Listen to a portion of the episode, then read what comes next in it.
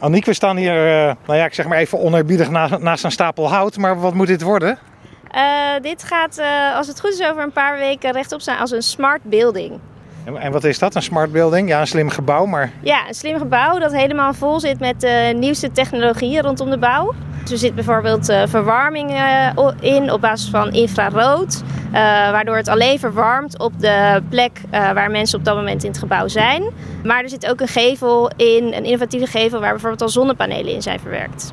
Een soort huis van de toekomst wordt het eigenlijk. Precies, huis van de toekomst dat als inspiratie moet dienen om te zien uh, hoe gaat het wonen van de toekomst er naar uitzien straks. En het is hier nu een stapel planken omdat het al ergens anders heeft gestaan. Het is uit elkaar gehaald in Rotterdam. Precies, het stond in Rotterdam in Blijdorp in de dierentuin. En het is een volledig demontabel gebouw. En het leek ons nou ook wel eens goed. Ja, vaak wordt er gezegd dat gebouwen demontabel zijn. Maar hoe werkt dat nou eigenlijk in de praktijk? Dus in Blijdorp is het helemaal uh, als een puzzelstukje uit elkaar gehaald. En dat moet hier straks weer als een puzzelstukje opnieuw worden opgebouwd. En uh, nou ja, het is ook wel een beetje een experiment van hoe gaat het nou en uh, wat gaan we allemaal tegenkomen daarin. Dus een plek om, voor, voor allerlei organisaties om, en het onderwijs om inspiratie op te doen. Dat was bij Blijdorp ook een beetje de bedoeling, maar ze hadden een beetje pech hè, met corona. Ja, klopt. Het stond eigenlijk net, uh, het was net klaar in uh, coronatijd, uh, waardoor het lastig was om mensen te bezoeken. Daarnaast was de, ja, het Blijden op de dierentuin een lastige plek überhaupt voor mensen om te komen. En waren de, eigenlijk de organisatoren waren ook op zoek naar een innovatieve plek waar er meer gebeurt rondom innovatie en circulariteit. En zijn we zo bij de Field uitgekomen. Ja, want dit is een initiatief van Plant, wat hier in Leiden aan de Lange Gracht zit. Wordt het hier een publiek gebouw?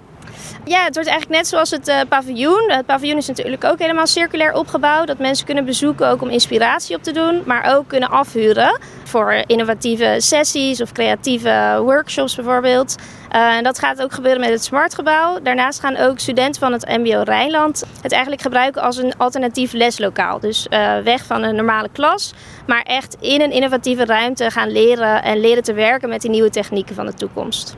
Wanneer moet het hier uh, helemaal kant en klaar en bezoekbaar staan? Nou, we hopen dat het over een paar weken helemaal is uh, opgebouwd. En dat we het uh, in oktober, dat we daar wel mensen kunnen verwelkomen. En, en, wat je dan ziet is eigenlijk een heel bijzonder deel van een gebouw dat nog niet bestaat, hè? Ja, het is eigenlijk een klein onderdeel van het Dutch Windwheel. de Dutch Windwheel is eigenlijk een future-proof en iconisch gebouw wat in Rotterdam uh, zou moeten komen te staan. En dit is eigenlijk een kleine mock-up daarvan. Een kleine unit van uh, hoe dat gebouw er dan straks uit zou moeten zien.